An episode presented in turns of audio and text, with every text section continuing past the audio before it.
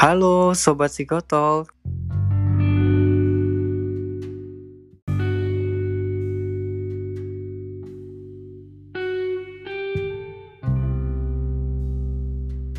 Selamat kembali di podcast kami.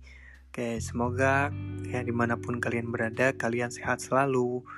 Oke, ini adalah podcast kedua ya dari PPPM LMP Wilayah 5 Dan sebelumnya uh, Caca udah bahas nih tentang long distance relationship. Nah, untuk tema topik kali ini uh, aku mau bahas tentang toxic relationship. Nah, sebelumnya perkenalkan dulu, namaku Adrian Verodia. Dipanggil Adrian, aku berasal dari Bandung dan aku sekarang mahasiswa semester 5 Win Maulana Malik Ibrahim Malang. Oke, okay, uh, jadi pembahasan kita toxic relationship hari ini menentangkan se uh, sebuah orang hebat. Uh, nah ini ada Mbak Salwa di sini dan sedikit cerita ini luar biasa ceritanya. Uh, jadi udah menjalani toxic relationship cukup lama ya dan bertahan sampai akhirnya bisa keluar dan coba dengerin terus ya teman-teman semua. Oke, kalau gitu kita langsung aja deh ke Mbak Salwa. Oke, Mbak Salwa boleh memperkenalkan diri?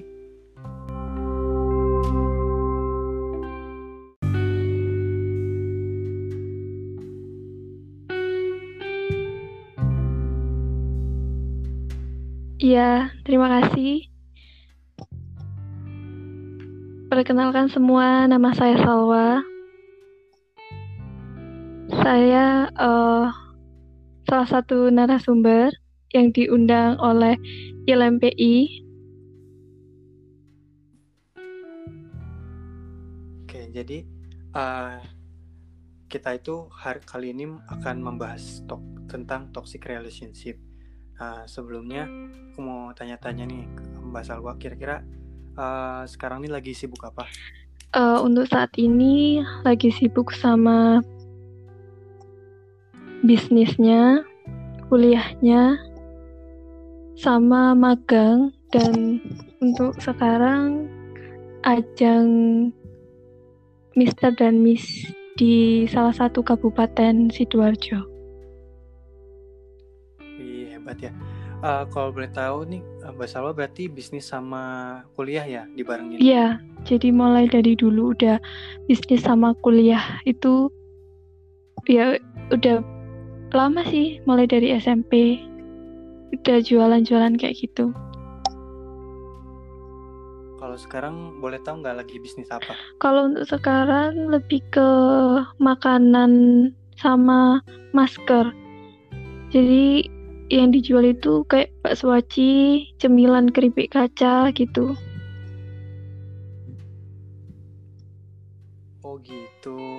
Berarti sekarang uh, lagi jualan online ya atau gimana? Iya. Lagi COVID. Ya? Jualan online. Jadi udah ada lapaknya sendiri-sendiri. Oke. Tadi Mbak Salwa semester berapa ya? Uh, saya dari semester 5 jurusan psikologi. Oh iya. Uh, kalau gitu berarti cocok nih kita hari ini kan membahas tentang toxic relationship ya. Iya. Yeah. Uh, sebelumnya uh, Mbak Salwa tahu nggak toxic relationship itu apa? Uh, ya nggak terlalu detail sih ya Mas. Saya cuma paham sedikit lah apa itu toxic relationship. Toxic relationship menurut Mbak Salwa itu kayak gimana sih hubungan yang nggak sehat yang meracuni tubuh kita? Iya, kalau menurut saya itu kita nggak bebas menjalani hubungan itu, kita nggak menjadi diri kita sendiri, dan kita menampakkan hal-hal yang bukan ada pada diri kita yang sebenarnya. Jadi kita nggak bebas banget ada di hubungan itu. Kalau mau iya, ini, ya, ya kalau mau ingin melakukan hal A atau hal B, kita memikir dulu takut salah sama uh, hubungan kita ke orang lain itu misalkan ke pasangan atau teman jadi kayak gitu. Gitu ya. Ya nggak nyaman sih ya mbak kalau misalkan kayak gitu kan jadi kita nggak bebas ya nggak enak buat ngelakuin sesuatu gitu ya. Iya benar. Jadi kayak kita nggak enjoy gitu. Kita nggak menikmati banget hubungan itu nih sebagai manusia seutuhnya kira-kira uh, apa sih toksik itu kayaknya harus dihindarin kan ya atau mungkin kita hadapi tapi hubungan yeah. yang sehat itu kayak gimana sih mbak? Kalau menurut saya hubungan yang sehat itu kita sama-sama menerima semua kekurangan maupun kelebihan dari pasangan kita, misalkan kalau kita pasangan, atau menerima kekurangan atau kelebihan teman kita, gitu. Jadi nggak ada manusia yang sempurna di dunia ini. Semuanya pasti punya kekurangan dan kelebihan masing-masing. Jadi kayak gitu. Jadi kayak kita tuh apa ya? Kita kan sering tuh menerima respon-respon negatif atau netral jadi negatif macam-macam. Jadi intinya tuh kalau kita uh, dalam kehidupan tuh harus terus mencari hal-hal positif dari segala peristiwa gitu ya, Mbak. Ya? Iya, jadi kayak kita harus menerimanya gitu loh. Jadi kayak jangan uh, misalkan nih Mas ya, kok anak ini uh, suka telat sih, suka ngaret sih, ya kan itu mereka gitu loh. Kalau kamu misalkan nggak suka, ya kamu omongin, kamu kasih saran gitu. Jangan malah kamu itu uh, kayak ngomongin di belakang orangnya gitu loh. Jadi kayak gitu. Kan itu kayak nggak enak banget. Kalau misalkan ini di teman gitu. Kalau di pasangan kan jadinya kayak mendem kalau mendem kan nanti bisa jadi bom waktu gitu loh mas jadi kayak uh, semuanya akan semuanya akan ke luar keluar semua masalah-masalah yang sudah direpres itu dan itu akan keluar kalau kita udah benar-benar capek gitu. Oke, okay. uh, eh, kira-kira boleh nggak sih uh, Mbak cerita tentang pengalamannya? Siapa tahu kita bisa sharing pengalamannya bareng-bareng. Mungkin pernah nggak toxic yeah. relationship di hidupnya? Oke, okay. jadi untuk kalian semua yang dengerin podcast ini, saya pribadi pernah merasakan yang namanya toxic rela toxic relationship uh, dari segi hubungan bersama pasangan ataupun bersama teman.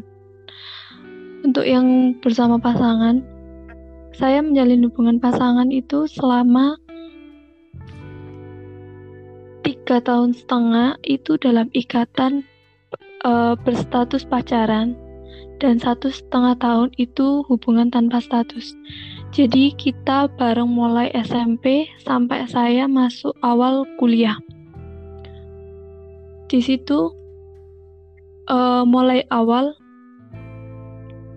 mungkin itu sangat dini ya karena itu SMP. Mulai awal saya nggak merasakan ini loh saya sebenarnya. Jadi di situ kayak uh, dari SMP saya menemenin dia kayak uh, merelakan kebahagiaan saya demi orang yang saya cintai. Jadi kayak gitu. Tapi di sisi uh, di sisi lain lama kelamaan saya capek uh, saya capek dengan hal itu semua. Terus pada saat akhir kelas 3 SMP saya pernah dibilangin kayak gini sama orang tua dari pasangan saya. Mereka nggak setuju masalah style saya. Dari situ saya uh, sudah merasakan ini bukan saya tapi itu masih belum menyadarkan saya. Jadi kayak gitu. Terus akhirnya saya LDR saya pernah merasakan yang namanya LDR itu bagaimana di situ dia yang gak ngebolehin saya keluar sama cowok lain. Terus saya juga sangat manut ke dia, sangat uh, ngeiyain apa yang dia mau. Jadi apa yang dia katakan untuk saya, saya uh, turutin. Karena saya takut banget kehilangan dia. Kenapa saya takut kehilangan dia? Karena orang tua saya sudah tahu dan orang tua dia sudah tahu. Karena itu, dan yang pasti atas dasar cinta dan sayang. Uh, terus selanjutnya waktu mau UN ini kelas 2 semester akhir semester genap mau ke kelas 3 kita putus di bulan Maret. Kita putus. Tapi dia masih ngikat saya. Dia bilang, "Kita teman, tapi kamu masih uh, tak gandeng." Istilahnya kayak gini. Uh, kita teman tapi bukan teman teman-teman yang kayak teman biasa gitu, tapi kita teman ya kayak teman mungkin ini apa namanya? Teman tapi mesra. Jadi kayak gitu. Iya. Nah di situ saya nggak sadar di situ. Saya nggak sadar kalau uh, hubungan itu kayak saya juga salah di situ. Kayak tapi saya itu nggak sadar gitu. Saya ngeiyain aja gitu karena ya itu tadi saking takutnya saya ditinggalin ya itu tadi saya ngeiyain. Akhirnya uh, saya tahu kalau dia untuk awal ya uh, ini kembali lagi untuk awal sebelum saya HTS untuk awal pertama kali kelas kelas 10 kan setelah RDR nih kita ketemu setelah beberapa bulan kita ketemu Terus dia bilang ke saya, dia jujur ke saya, kalau dia suka sama cewek lain. Dia jujur ke saya. Di situ saya kayak, oh kamu suka sama cewek lain, jadi kayak gitu. Tapi di situ saya kayak nerima gitu loh. Dan dia bilang, enggak aku sekarang udah nggak suka sama si cewek itu tadi, dia masih suka sama saya. Dan itu saya maafin dan saya lanjut. Nggak ngerti lah ini saya yang bodoh atau gimana nggak ngerti. Karena mungkin ini udah bener-bener kayak bucin banget. Saya juga nggak nggak paham. Ya intinya itu tadi.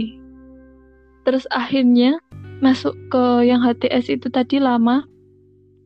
Dia ada satu temen dia tuh uh, dia berteman sama berteman baik saya tanyain, saya selalu tanyain sama dia, kamu sama si A itu apa hubungannya teman?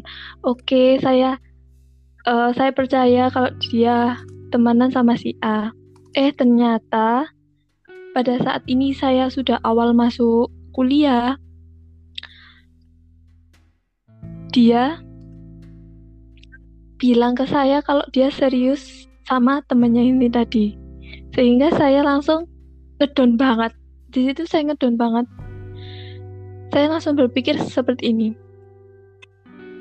Lah ter lah kalau lah kalau kamu serius sama si temenmu ini tadi terus selama ini aku ini apa? Jadi kayak gitu.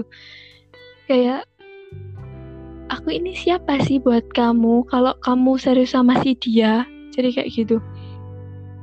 Di situ saya benar-benar ngedon banget. Dan saya sampai mohon-mohon kamu sama dia tapi kamu juga sama aku. Jadi kayak gitu. Jadi saya benar-benar ya wis lah kamu doain aku aku nggak apa-apa. Jadi kayak gitu. Daripada kamu ninggalin aku. Jadi kayak gitu. Di situ uh, dia saya bujuk terus kamu beneran dah kamu beneran kamu beneran ninggalin aku? Kamu beneran kayak gini? Di situ uh, sampai 10 bulan. Sampai beberapa bulan saya tanyain seperti itu terus. Dan jawabannya sama gitu. Dan dia sampai sholat istikharah dan sebagainya. Itu kayak ya wis lah gitu. Dan di situ saya pernah nangis terus nggak makan. Semangat hidup itu nggak ada. Ya cuma tiduran aja kayak senyum pun itu nggak ada gitu. Cuma nangis terus merenung. Jadi kayak gitu. Jadi kayak gitu mas. Iya.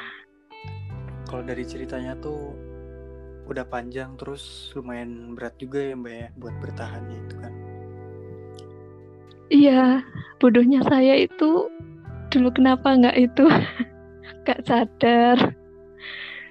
Ya karena itu tadi cintanya itu loh, cinta dan sayangnya itu. Membutakan ini ya yang lain. Semua. Kalau sudah ada sayang.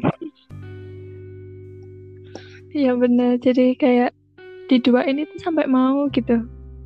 Itu udah gila banget.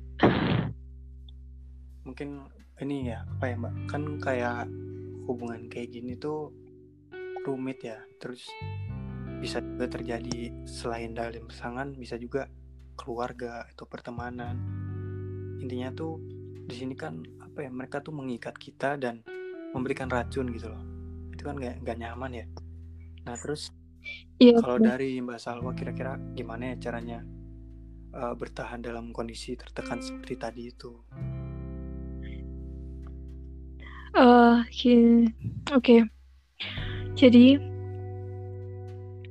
bagaimana saya kuat bisa bertahan untuk ngejalanin itu semua? Ya itu tadi, saya merasakan uh, saya butuh dia, jadi kayak gitu. Bertahan saya itu cuma karena kita lo udah lama gitu. Kita udah lama ngejalanin hubungan ini. Masa cuma gara-gara ini kita bisa sih? Sia-sia dong gitu. Sehubungan yang udah lama kita jalani sia-sia dong. Pikiran saya cuma itu doang. Yang bisa buat saya bertahan itu kayak gitu. Kita mulai dari nol bareng. Masa cuma gara-gara hal kayak gini kita bisa itu yang bisa membuat saya bertahan. Terus uh, karena rasa sayang itu tadi saya bisa uh, bisa membuat saya bertahan. Jadi kayak gitu. Kayak itu semua saya butuh gitu loh. Saya butuh orang walaupun itu uh, racun gitu. Tadi kan Mbak Salwa tuh bilang kayak uh, makan itu nggak enak terus uh, macam-macam ya kayak ngaruh ke kesehatan mental juga yeah. ya kayaknya iya yeah. kesehatan mental itu kan kita penting banget untuk perhatikan ya terus mm, bener. mau ngutip nih berapa kata jadi ada ada psikiater namanya Jennifer mental illness itu adalah adaptasi dari situasi yang gak sehat nah berarti kan saat kita ngerasa di situasi tadi tuh tertekan gak sehat sampai gak bisa makan. Nah di situ tuh berarti kita ada hal yang kita alami di mana itu tuh nggak baik buat kita kayak gitu kan ya? Nah terus yeah. gimana kita bisa kalau dari Mbak Salwa ya gimana nih kita bisa bertahan dalam situasi yang gak sehat itu gitu? Untuk pertahanan dalam diri kita sendiri kira-kira apa sih yang bakal harus kita lakuin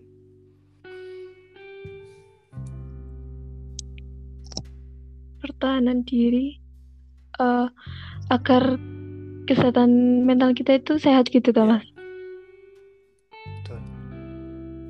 Uh, setelah kejadian itu atau sebelum? Selama kejadian itu kan kayak cukup lama Selam... kan waktunya. Oh, hmm. iya.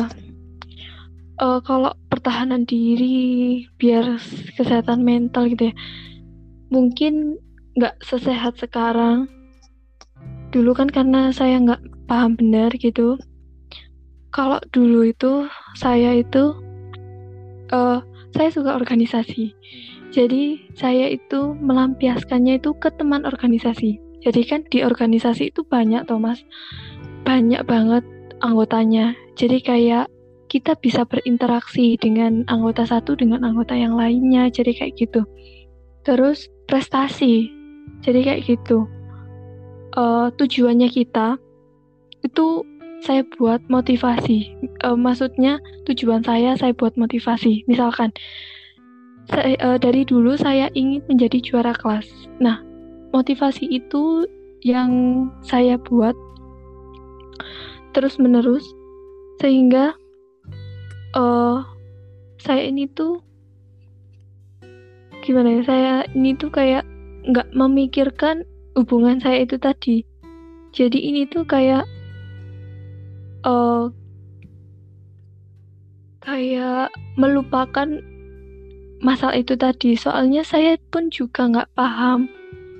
Kalau dulu ya saya nggak tahu kalau hubungan saya itu toksik jadi itu toksik gitu. Jadi saya nggak paham dulu itu kayak gimana hubungan toksik itu. Saya baru paham itu uh, setelah di perkuliahan ini. Jadi kayak gitu. Terus saya bisa bertahan itu dengan cara apa namanya keimanan kita ke kepada Tuhan kita. Jadi kayak uh, kalau kayak si uh, gimana ya hmm, hubungan uh, manusia dengan Tuhannya gitu loh mas. Jadi kayak gitu. Jadi kayak ya paham kan ya? Ya spiritualnya. Jadi spiritual saya itu alhamdulillah mulai dari kecil itu sudah dibentuk. Ya maksudnya itu ketika saya dihadapkan dengan masalah kayak gini itu nggak sampai yang benar-benar kayak bunuh diri jadi kayak gitu. Terus uh, teman saya itu model tipe anak kalau saya uh, bertemu dengan anak itu saya percaya. Tetapi kalau anak itu uh, sudah membohongi saya saya nggak akan percaya lagi. Jadi kayak saya itu mudah untuk bercerita ke orang lain gitu. Terus akhirnya ya itu tadi saya punya satu teman saya selalu curhat ke dia saya apa-apa ke dia dia memberi masukan. Jadi itu membuat kayak saya lebih baik ya. gitu. Dari omongan orang lain juga bisa belajar gitu ya mbak ya? Iya. Jadi semua uh, semua yang diomongkan orang lain itu saya terima gitu. Soalnya waktu itu saya pernah curhat ke guru saya. Saya sempat curhat ke dua guru saya. Mereka bilang, nggak apa-apa. Kamu nggak gini anaknya. Jadi kayak gitu. Jadi kayak beliau bilang semua akan indah pada waktunya. Dari dulu saya nggak percaya kata-kata itu. Dari dulu. Apa sih yang indah? Menurut saya kayak gitu dan ternyata kata eh, kata-kata itu terbukti sekarang gitu jadi memang benar kalau semua itu akan indah pada waktunya ya mungkin saat-saat kayak apa ya kita tuh belum percaya karena belum ada buktinya kita tuh masih kayak diuji gitu ya, ya. gitu kalau ya, benar. Kan sama Allah tuh diuji dulu supaya kita tuh ingat sama Allah gitu ya Iya, mm, benar. Setelah itu kan baru kita dikasih kenyataan yang manis. Itu. Iya. Nah, kalau dilihat dari ceritanya nih kan apa ya? Uh, kalau dalam pasangan nih kayaknya banyak banget ya mbak ya kayak hubungan yang toksik. Malah kayak saya pun sempat lah merasakan kayak gitu kayak eh, nggak uh, boleh tuh keluar-keluar atau weekend nggak boleh keluar-keluar karena teman-teman saya banyak yang cewek-cewek gitu jadi ditahan-tahan kayak gitu kan ya nah kalau kayak gitu gak iya. enak tapi kita kita nurut karena kita tuh ya udah kita bucin aja gitu karena kita tuh sayang pacar kita gitu. Ya aslinya kan kita juga yeah. butuh lah buat eksplorasi terus ngobrol-ngobrol sama temen ketemu temen. Kan kita butuh ya. Terus iya boleh nggak ceritain kayak uh, dari mbak dari mbaknya bucin terus terikat habis itu keluar dari circle uh, toxic itu. Boleh nggak? Iya boleh. Jadi kayak gini uh, mulai saya bucin ya. Saya saya itu bucin banget orangnya. Jadi saya dibilangin kayak gini kamu nggak boleh loh keluar sama cowok lain. Saya maksudnya itu saya nggak boleh keluar sama cowok lain. Jadi kayak gitu. Intinya saya foto sama cowok itu nggak boleh deket-deket dan sebagainya. Pokoknya itu saya nggak boleh deket sama cowok. Jadi kayak gitu terus saya chat pun sama cowok itu nggak boleh gitu. Jadi kayak uh, bener-bener kalau sama cowok itu stop. Sama cowok lain itu harus di stop. Jadi kayak gitu. Terus uh, setelah itu kan saya merasakan itu tadi yang namanya uh, benar-benar jatuh yang ada di titik nol yang saya merasakan sampai depresi, nggak mau makan, nangis terus dan sebagainya. Dan saya sampai benar-benar bisa keluar dari situ itu karena hubungan saya dengan Tuhan saya. Yang pertama, uh, di situ saya tenang ketika saya dengar solawat. Itu yang pertama. Terus yang kedua, saya selalu curhat ke salah satu teman cowok saya selalu curhat uh, selalu curhat. Saya kayak gini saya kayak gini saya kayak gini. Jadi kayak gitu. Terus yang ketiga motivasi saya sendiri. Jadi saya bermotivasi kayak gini. Uh, saya nangis terus ke dia. Apakah dia memikirkan saya? Apakah dia nangisin saya? Nah, kan enggak. Dia nggak nangisin saya. Ngapain saya nangisin terus dia Padahal dia aja nggak mikirin aku. Dia di sana enak-enakan makan. Masa di sini aku kayak gini, sakit sendirian, kan nggak enak. Jadi kayak gitu. Dan saya ada kayak, ya ini mohon maaf, jangan ditiru karena ini dendam. Uh, tapi positif. Jadi uh, saya cuma pengen uh, aku bisa lebih baik dari apa yang kamu pikirkan karena mungkin pada saat itu, aku masih belum banyak pengalaman dan belum banyak pengetahuan. Jadi seperti itu. Tapi untuk ke depannya, kamu bakal menyesal karena kamu telah meninggal meninggalkan aku. Jadi intinya kayak gitu. Ngeri. Iya dari situ kayak uh, mungkin emang kita harus jatuh dulu ya, baru kita paham bagaimana indahnya takdir. Jadi dari situ saya paham banget uh, gimana saya, gimana sakitnya saya, dan hal itu uh, membuat saya trauma ketika saya menjalani menjalani hubungan baru sama cowok baru gitu.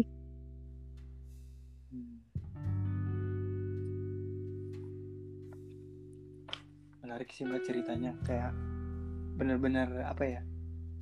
Uh, sini tuh kayak lebih ke arah saat dia nyakitin kita ya udah eh, nggak uh, apa-apa. Tapi nanti pun kita akan uh, apa namanya kayak ngebalikin dengan cara ya udah kita fokus sama diri kita sendiri kita perbaikin dan nanti ya udah mau mandiri juga bisa kan kayak gitu ya ibaratnya. Iya jadi menurut saya mungkin banyak ya yang cewek manja di luar sana itu maksudnya itu punya sifat manja. Semua cewek pasti punya sifat yang uh, sifat manja. Tapi kalian harus punya sifat mandiri juga. Karena eh, nggak uh, semua cowok itu mampu membiayai kehidupan kita. Maksudnya kayak gini. Kita misalkan punya pasangan terus kita minta beliin misalkan beliin baju beliin sepatu beliin tas. Gak semua cowok punya itu. Jadi kayak gitu jadi di sisi lain kita punya sifat manja, kita boleh punya sifat mandiri. Jadi seperti itu sih mas. Iya sih, zaman sekarang kan emang udah kayak gitu ya. Apalagi sekarang tuh malah saya pernah tuh diceramahin sama uh, teman saya cewek itu uh, saya nggak mau kuliah kan saat itu terus dibilang sekarang cewek itu udah bisa kuliah cewek itu udah bisa kerja cewek itu udah bisa ngasuh anak sendiri dan segala macam nah terus kamu laki-laki itu uh, kuliah aja enggak ya cowok cewek-cewek di luar sana tuh lebih lebih lebih gitu. Saya pernah digituin jadi kayak tamparan ya mungkin buat laki-laki itu tamparan. Jadi uh, nggak nggak cuman cukup untuk itu tapi sekarang tuh cewek udah bisa mandiri udah bisa uh, manja pun iya tapi udah bisa mandiri. Jadi harus lebih apa ya? Ya sekarang mau nyayangin aja lah gimana gimana kita jadi cowok juga harus lebih baik lagi. Terus bisa menyayangi diri sendiri juga kayak gitu mungkin ya. Iya benar. Nah tadi tuh uh, aku juga dapat nih poinnya. Di sini kan saat mbak mulai menyayangi diri sendiri itu baru muncullah ke sifat mandiri itu dan bangkit. Nah mungkin buat teman-teman pendengar nih, kira-kira uh, apa sih yang bisa dibagikan uh, tips-tips untuk menyayangi diri sendiri? Uh, Oke, okay. jadi tips dari saya mencintai diri sendiri itu bukan hal yang mudah dilakukan karena itu mungkin perlu beberapa tahap untuk menemukan itu. Kalau dari saya pertama itu kita harus mengenali diri kita sendiri dari kita tahu kelebihan kita itu apa, kelemahan kita itu apa, terus apa yang kita sukai, apa yang nggak kita sukai, terus apa yang membuat kita senang, apa yang kita, membuat kita tertekan, apa yang membuat kita sedih itu kita tahu semua. Jangan sampai orang lain itu uh, tahu apa yang uh, apa yang ada dalam diri kita sedangkan kita nggak tahu itu. Jadi kayak gitu. Terus uh, untuk masalah misalkan kalian sudah tahu apa yang membuat kalian tertekan jangan sampai membuat hal itu itu menekan diri kalian sendiri. Jadi misalkan kayak gini saya tertekan ketika uh, mendapati banyak tugas yang menumpuk, misalkan kayak gitu. Nah, itu tertekan karena nggak selesai-selesai. Nah, di situ gimana caranya saya meminimalisir rasa tertekan itu? Ya, saya kerjakan lah. Jadi kayak gitu. Jadi kayak kita itu lebih mengenal diri kita sendiri. Jadi ketika kita paham apa yang membuat kita sedih, apa yang membuat kita bahagia, apa yang membuat kita itu jadi kayak menikmati segala uh, cobaan itu, jadi kita itu lebih kayak menghargai diri sendiri. Iya, betul. Jadi kayak gitu. Jadi kayak apa ya respon-respon yang diterima dalam diri itu jangan dibuat dibentak di apa ya di denial gitu ya jangan kayak paksa untuk uh, kita nih harus seneng atau kita nih menerima sedih nih. Terus kita kita paksa seneng atau kita paksa sedih enggak kan. Kayak mungkin lebih kayak gini kali ya. Kayak ya udah kita sedih nih sekarang nggak apa-apa. Kita sedih dulu tapi besok kita coba yang lebih baik lagi. Terus saatnya kita seneng ya udah kita manfaatin sebelum sedih itu datang. Mungkin lebih kayak iya benar. Terus mungkin ada ini nggak kayak tips-tips apa ya buat uh, ini kan pasangan ya mungkin sebagai perempuan uh, untuk laki-laki di sana itu kira-kira yang diharapin perempuan itu seperti apa sih agar hubungannya itu selalu sehat gitu bagi perempuan Oke, ini pribadi ya. Maksudnya uh, menurut saya. Ya, subjektivitas sih sebenarnya. Ya, kalau menurut saya laki-laki yang diharapkan perempuan itu satu uh, terima semua yang ada di diri pasangan kalian. Mulai dari fisik, terus sifat, dan wataknya dia. Karena misalkan pada saat kalian pacaran, awal pacaran dia kurus, terus pada pertengahan atau udah lama pacaran dia gendutan. Itu uh, merasa kayak kamu kok gendutan sih? Itu sangat uh, kayak melukai hati wanita ini tadi. Terus jangan pernah melihat fisik itu uh, kalau melihat fisik fisik itu bisa berubah kapan pun. Misalkan jerawat sekarang jerawat bisa hilang. Jadi kayak gitu. Kalau kalian mencintai cintai dari akhlaknya. Jadi kayak gitu. Uh, mungkin dari hati lebih tepatnya. Terus yang kedua kalau kalau misalkan wanita kalian berbuat salah jangan pernah menghakimi dia. Tapi lebih baik kayak berikan nasihat. Lebih tepatnya berikan nasihat ke dia. Jadi misalkan dia salah uh, dia sering misalkan dia dandannya terlalu lama. Nah di situ kamu harus memaklumi jadi kayak gitu walaupun kamu jengkel mungkin kamu bisa menasehatinya uh, kamu kalau dandannya kan untuk pacarnya sendiri ya mbak ya? Iya, jadi kayak kamu kalau dandan emang ngapain uh, emang ngapain aja sih? Uh, pertama kali kan ditanya kayak gitu. Oh aku tadi kayak gini, pasti ceweknya akan menjawab. Nah di situ kamu jangan menghakimi. Kamu besok-besok kalau aku udah datang, kamu nggak boleh loh uh, nunggu aku uh, aku nunggu kamu terlalu lama jadi misalkan kayak gitu jadi kan si cewek ini kayak tertekan kan kayak takut gitu kan nah yeah. kalau itu kayak nasihatin besok-besok kalau uh, kalau sebelum waktunya kita janjian kamu boleh dandan dulu. Terus kalau sudah selesai kamu bilang biar aku nggak terlalu uh, biar aku nunggunya nggak terlalu lama. Terus jangan suka ngilang. Soalnya sering kali cowok itu suka banget ngilang. Iya yeah, ya mbak ya. Tiba-tiba nggak ada kabar sehari. Jadi kayak gitu. Kan kita cewek itu udah overthinking nih. Iya udah overthinking nih.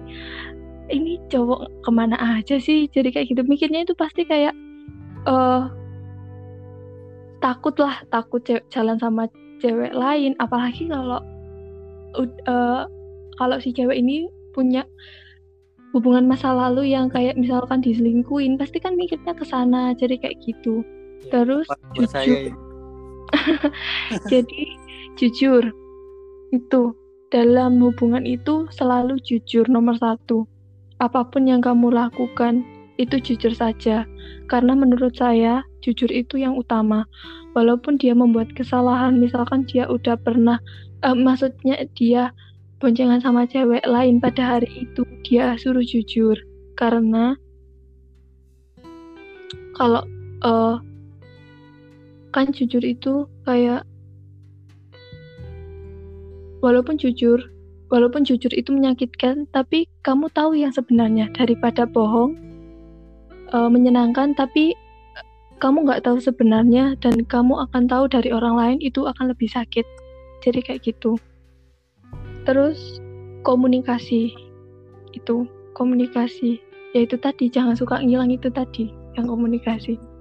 Itu terus uh, jangan pernah membandingkan cewek lain dengan cewek yang sudah kamu miliki karena mereka memiliki sifat yang berbeda kelebihan dan kelemahan yang berbeda karena semua wanita itu sempurna di mata pasangan sendiri-sendiri.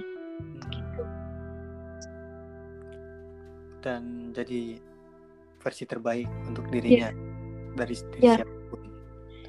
Iya, versi terbaik dari dirinya bukan dari orang lain gitu. Iya, betul Yang penting itu dari diri sendiri. Jadilah diri sendiri, jangan jadi orang lain karena diri kamu uh, diri kamu sendiri itu berharga dan sangat istimewa. Hmm. Apa yang ada di dalam diri kamu sendiri itu nggak ada di diri orang lain. Jadi kayak gitu. Oke, mungkin aku mau apa namanya nyimpulin dari pengalaman yang Mbak Salwa ini benar-benar apa ya menarik ya, mengedukasi juga, apalagi untuk aku sendiri gitu. Ini aku lumayan dapat tamparan juga sih sebenarnya. Jadi kayak kalau misalkan apa ya kita tuh harus mengenali emosi itu supaya menyayangi diri sendiri. Nah dengan menyayangi diri sendiri itu kita bisa tahu kita di lingkungan yang toksik dan kita mengetahui mana yang baik dan buruk untuk diri kita. Nah terus untuk uh, untuk yang pasangan pasangan kita atau siapa pun itu kita juga bisa memulai dengan diskusi seperti menasihati atau ngasih tahu kalau misalkan uh, perilaku yang diberikan itu kurang sehat secara psikis gitu. Nah kemudian uh, selain menyayangi diri sendiri, kita juga harus berusaha untuk menjadi versi terbaik dalam diri kita. Kayak gitu ya.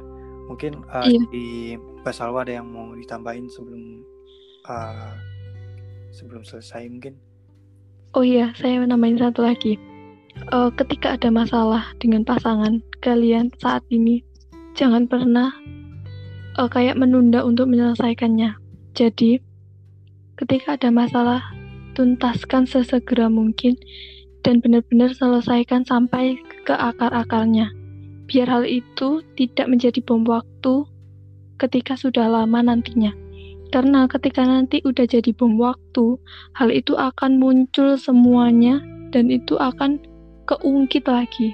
Dan itu makin kayak membuat hal itu sakit jadi kayak gitu ya bener banget jadi kayak kalau masalah yang ditumpuk itu kayak apa ya kayak kayak tugas mungkin ya kalau kita kan yeah. mahasiswa ujian tuh UTS itu kan kayak gitu mungkin rasanya kayak burnout gitu di pikiran kita nah cuman bedanya ini adalah dalam emosi ya dan gak enak apalagi kalau misalkan emosi negatif itu udah bertumpuk dan itu bisa menjadi luka dan nanti jadi trauma kayak gitu. Iya. Yeah. Bisa beru bisa menyakitkan secara mental.